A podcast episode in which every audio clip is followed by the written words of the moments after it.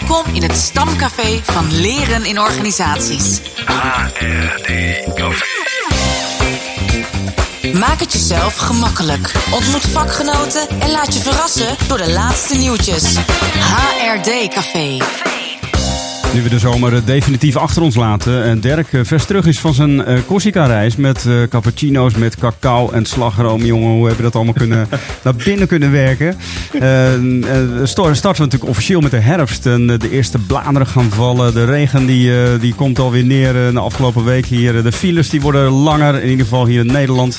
En dan is het tijd om te hebben over een onderwerp dat daarbij past eigenlijk, namelijk focus. Hoe breng je die aan in je leven en in je werk? En Dirk, heb jij een beetje focus aangebracht daar eh, op Corsica? Nou, als je zo even die herfstopsomming maakt, dan heb ik het verlangen om meteen weer terug te gaan op de boot van Genua naar Corsica, moet ik eerlijk zeggen. Ehm, ik heb heel weinig focus aangebracht. Eh, en wat ik wel, eh ja, hoe zo grappig, we zijn drie weken weg geweest. En week één is zeg maar ontfocussen.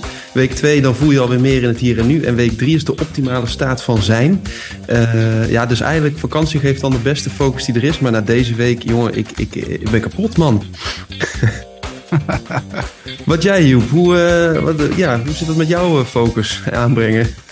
Ja, ik, ik ben gelukkig niet helemaal stuk of helemaal kapot na, na deze week. Ik heb nog wel wat energie over voor het weekend in te gaan.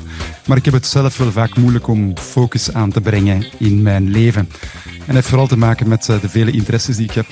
Kiezen waar ik aan mijn tijd en energie ga insteken is soms ook kiezen om iets anders leuk dan niet te gaan doen. En dat doet dat een klein beetje pijn.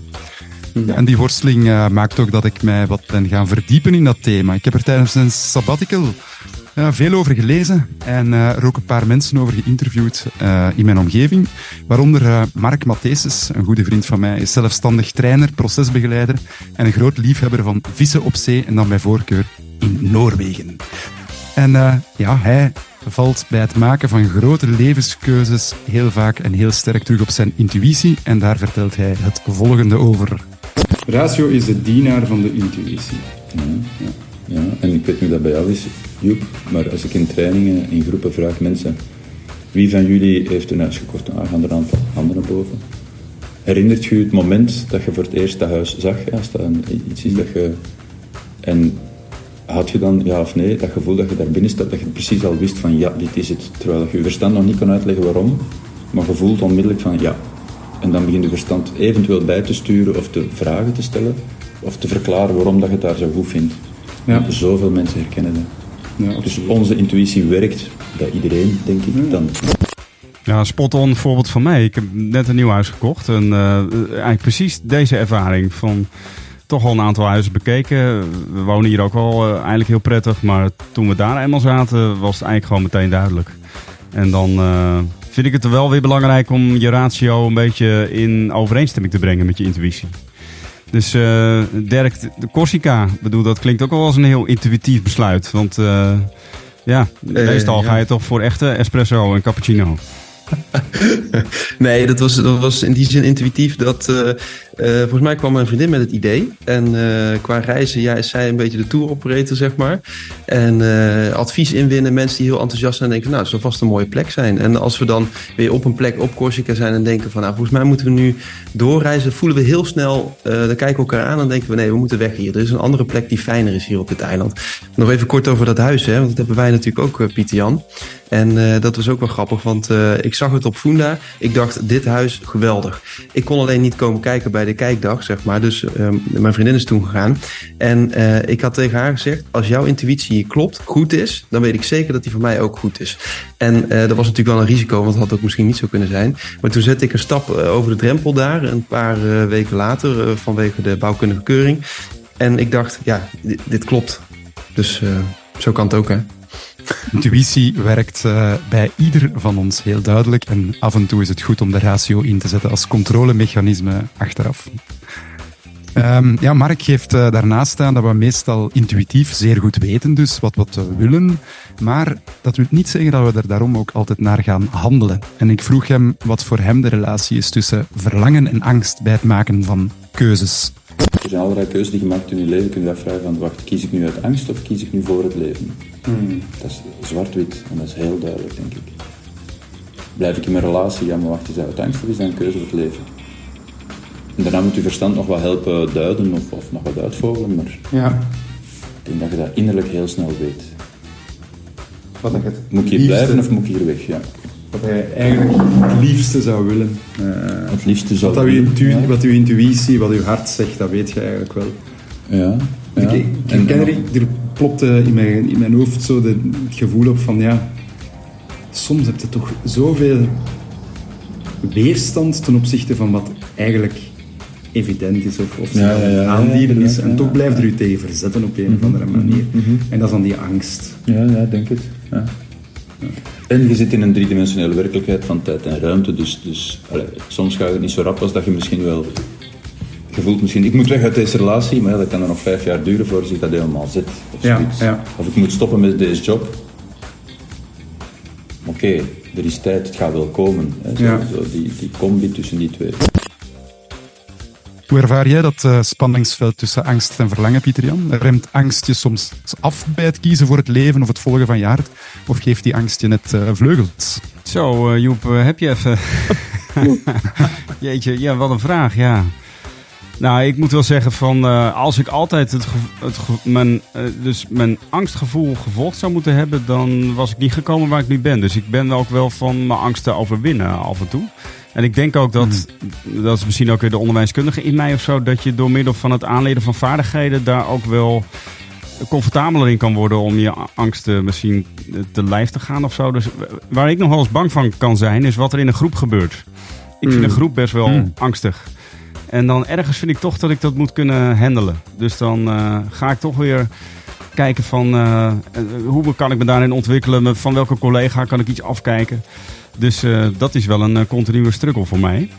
En ehm, ik moet Ik ook wel ook zeggen wel dat, ehm, van- dat, die, dat appreciative inquiry bijvoorbeeld, waarin het gaat juist om te vertrekken vanuit verlangen, dat spreekt me dan ook wel heel erg aan. Om veel meer te denken vanuit verlangen. Maar ik ben er nog niet uit, geloof ik. Dus, eh, Ik hoor er ook wel iets van eh, controle en, en vertrouwen in. Eh, het graag eigenlijk onder controle willen hebben en tegelijkertijd het ook kunnen loslopen, laten en, en vertrouwen dat het goed komt. Als de DJ in mij, ik wil achter de knoppen zitten. Dat klopt, ja. En eh, als het nodig is, even iemand zijn schuif dichtdraaien. Ja. Nou, PJ, heb je toch ook weer even je coaching sessie hier gehad? Eh, ik weet niet of je tissues bij je hebt, maar eh nodigt uit tot een langer gesprek. Eh, nou ja, en soms moet je jezelf ook toestemming kunnen geven om iets te doen waar je naar verlangt of waarvan je weet dat het goed voor je is. Aan de ene kant ben ik iemand die altijd meebeweegt met de mensen rond mij. En dus, dus even rap naar de lijst gaan, ik zal dat doen. Even rap dit, even rap dat. Ik ben altijd direct bereid. Eh even helpen met huiswerk. En op een bepaald moment merkte ik dan dat ik viesgezind werd. Omdat ik eigenlijk al zoveel keer mijn grens eigenlijk heb eh veronachtzaamd. En er eigenlijk over ga. En dan werd ik viesgezind vroeger. Ja, en dat voelen ze dan ook natuurlijk. Dat is ook niet leuk voor je omgeving, maar zo, ah, ik ben viesgezind omdat ik niet naar mezelf geluisterd heb. Hè. Zo. En in die zin is dat een capaciteit van mij om heel gemakkelijk mee te bewegen en van alles te doen. Dat is die, die momentgenieter. Hè. Ja. En de Gallup is dat eh, aanpassingsvermogen. Hè. Dat heb ik heel hard. En er zijn niet zo heel veel dingen voor, waarvoor ik radicaal voor mezelf kies. Allee, dat klinkt nu misschien een beetje raar. Maar bewegen en sport is daar één van. Dus soms is het van, nu moet ik gaan zwemmen. Ik ga dat gewoon doen. En dan, dan, dan kan het mijn worst wezen wat de rest daarvan vindt, bij wijze van spreken. Dan, dan wring ik dat daartussen. Ja. Hoe dan ook. Zo, dat, dat moet dan. Dus dat is daar tijd voor maken. En dat is enkel voor sport en voor vissen, denk ik. Voor de rest... Ja, ik heb niet zoveel belangrijke dingen. Maar Ja. die, die twee zijn dan belangrijk. Dat is eigenlijk het enige. Prachtig woord wat ik weer voorbij hoor komen. Viesgezind. Joep, wat betekent dat precies? Een soort negatieve houding of zo, stel ik me voor? Dus echt gewoon eh, slecht gezind worden met een eh, stevig element van frustratie erbij. Helder. Eh, radicaal kiezen voor jezelf, Dirk. Hoe kijk jij daarna? Ja, ik doe niet anders. Nee, maar eh, ik, ik denk naarmate dat je ouder wordt, of tenminste merk bij mezelf, dan, dan lukt het ook wel beter om eh, minder bezig te zijn met wat de omgeving zou denken of vinden van wat je dan kiest te doen. Dus als ik zin heb op vakantie te gaan en dan zeggen collega's tegen me van eh, ga je nou weer op vakantie? Dan denk ik ja, oké, ja, nou lekker toch? Dat zou je zelf misschien ook moeten doen. Dus eh, dus en dat zit gewoon in kleine dingen. Dus zorgen van eh, dat ik genoeg sport, eh, ja, beweeg. eh, ehm, nou, dat soort dingen. Dus, dus radicaal kiezen voor jezelf. Ja, je moet ook wel een beetje met je omgeving rekening houden, denk ik. Maar als je echt voelt, nu moet ik dit echt even doen, want dat levert straks weer een leukere derk op, dan moet, dan moet ik dat doen. Ja, het is helder. Hè? Bij het uh, aanbrengen van focus in werk en leven zijn, je intuïtie volgen, je angsten onder ogen zien en radicaal kiezen voor jezelf. Dus duidelijk heel erg belangrijk. En tegelijkertijd moet er ook erg veel. Hè? Er komt veel op ons af van buitenaf. En dit is vaak erg druk. Maar in ieder geval, ik vind echt die mensen die zo daarmee worstelen de hele tijd, ik moet, ik moet, ik moet. Dat is een keuze om niet te kiezen, hè. op een manier. Het is eigenlijk een gemakkelijke. Zo. Dat is eigenlijk een gemakkelijke, ja. ja, ja. Druk, druk, druk, druk. Ja, ja absoluut. Ja. Dat is ook zo, hè. Ik, vind, uh... ik moet ook eigenlijk... Want dat zorgt ervoor dat je het, het keuzeproces uit de weg gaat. Ja, en als je kiest, dan moet je gaan voelen. Daarmee bedoel ik van... Vanmorgen ook dacht ik van, ja, wacht, daar en daar en daar en dan Joep en dan dit. En ja, nee, niet, niet mediteren. Maar dan voel ik, aan mijn staat van zijn, voel ik al van... Ik ben niet meer hier en nu, ik ben al, ben al, ben al straks bezig en gisteren en de problemen. En dan denk ik, ja nee, wacht, zo wil ik mij niet voelen vandaag. Ik kies daar niet voor. Ik kies meer en meer bewust om wel te gaan zitten en te... Ik heb geen tijd en juist dan moet ik mediteren. Ja. En dan stap ik daaruit en dan voel ik dat mijn dag al anders loopt. En heel grappig. En ik kies meer en meer bewust Ja. doorheen een dag, dat is een spirituele oefening vind ik, om ieder moment in die zen-toestand te kunnen kruipen. Druk zijn kun je dus zien als de gemakkelijke weg en het keuzeproces uit de weg, gaan. En focus vraagt om voelen bij jezelf wat er echt nodig is en waar je aandacht aan wil schenken. Wat ehm, leer jij daar nu uit, Joep, met al je interesses en je eigen worsteling met focus? Ja, ik leer daar vooral uit dat ik wat meer tijd ga moeten nemen om uh, s ochtends uh, even in te checken bij mezelf. En na te gaan wat er mij te doen staat doorheen de dag. En, en goed te voelen. En dan echt te kiezen voor wat ik ga doen. En, en mij niet over te geven aan, aan die drukte. En dat vraagt dus ook om een zekere inspanning. Het is gemakkelijk om gewoon de flow te volgen en mee te gaan in alles wat zich aandient. En, en kiezen ja, is, vraagt enige inspanning, vraagt enige invoeling. En dat ga ik gewoon meer doen. Nou, ja, zeggen dat je druk bent is ook maar een verhaal, hè, wat je zelf uh, aanpraat. Dus uh, daar uh, goed in kiezen. Nou, dan hoor ik wel, Joep, dat die sabbatical je toch iets heeft opgeleverd. ga je eigenlijk nog verder op doorwerken op dit thema? Jazeker. jullie hoorden vorige week al dat ik een bijdrage lever tijdens de week van de creatieve generalist over ratio en intuïtie bij besluitvorming. En daar stopt het niet mee. Er komen nog artikels en bijdragen over het spanningsveld tussen angst en verlangen en hoe je kan toewerken naar je ideale agenda. Wordt vervolgd dus.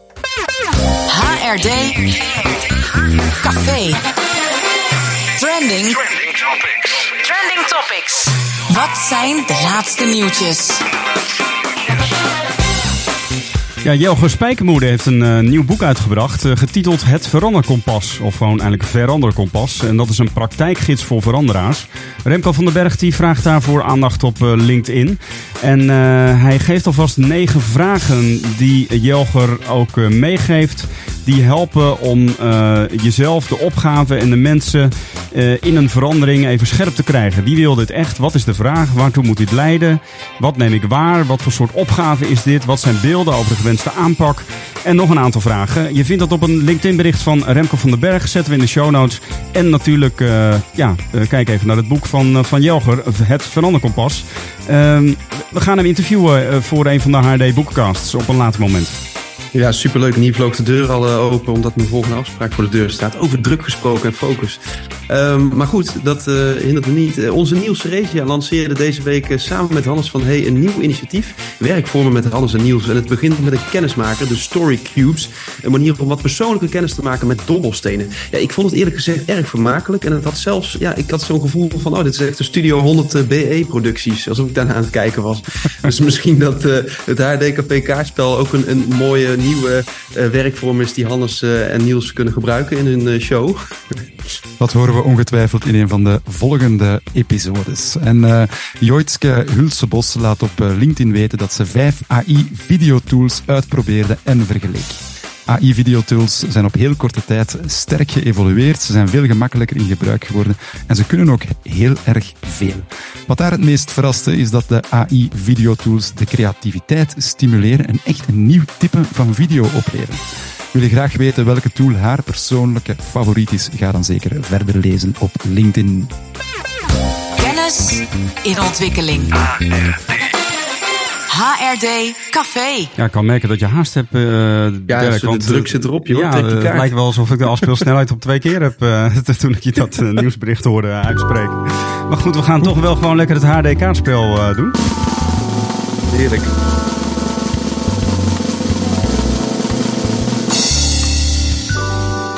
Eh, deze keer een schoppen aas. Kijk. Dus even kijken Ace welke quote daarachter zit. Eh, luister, bij veel implementatie- en verandertrajecten is nog altijd sprake van een zender of initiatiefnemer en een ontvanger van het veranderinitiatief. De zender is dan de adviseur, het management of een verandermanager en de ontvanger de medewerker. De medewerker voelt zich als object van de voorgenomen verandering niet zelden het slachtoffer. Door de veelheid van veranderingen en het gegeven dat de verandering op zichzelf vaak niet ter discussie staat, hebben de slachtoffers van deze veranderprocessen het gevoel dat het nooit goed genoeg is en dat het nooit klaar is. Tja, dit is echt een managementboek, hè? Achtig iets. Ja. Ehm, ik, zie- ik hoor ook weinig intuïtie. het wordt me maar opgelegd als eh, werknemer. Ehm God, wat voor titel hoort erbij? Joep, heb jij ideeën? Wat zegt jouw intuïtie? Mijn intuïtie zegt het veranderboek. Ah, Het veranderboek. Nou, je zit wel een beetje in de buurt. Het is het boek eh, Implementatiekunst van eh, Marcel Koelman en Oh. eh, Brigitte Hogendoorn. ah, en dat is inderdaad ook echt een dikke pil. Ik heb hem hier. En ja, staan, Koelman, hè? er staan allerlei ja, hele handige modellen in voor hoe je naar verandering kunt kijken. Ehm, bijvoorbeeld is zoiets als bovenstroom en onderstroom, wat we veel hanteren, wordt hierin heel mooi uitgelegd. Ehm, Ja. Maar een hele handige gids bij, bij veranderen. Dus een echt, veran- een echt veranderboek. Een echt veranderboek. Leuk. Ja, wil jij een exemplaar van het HRD Café kaartspel ontvangen? Dat kan op twee manieren. Lever een quote aan eh, van een van je favoriete HRD-boeken. Vermeld de quotepagina, nummer, boektitel en auteur. Of werf een nieuwe luisteraar voor onze podcast. Dus neem iemand mee op café.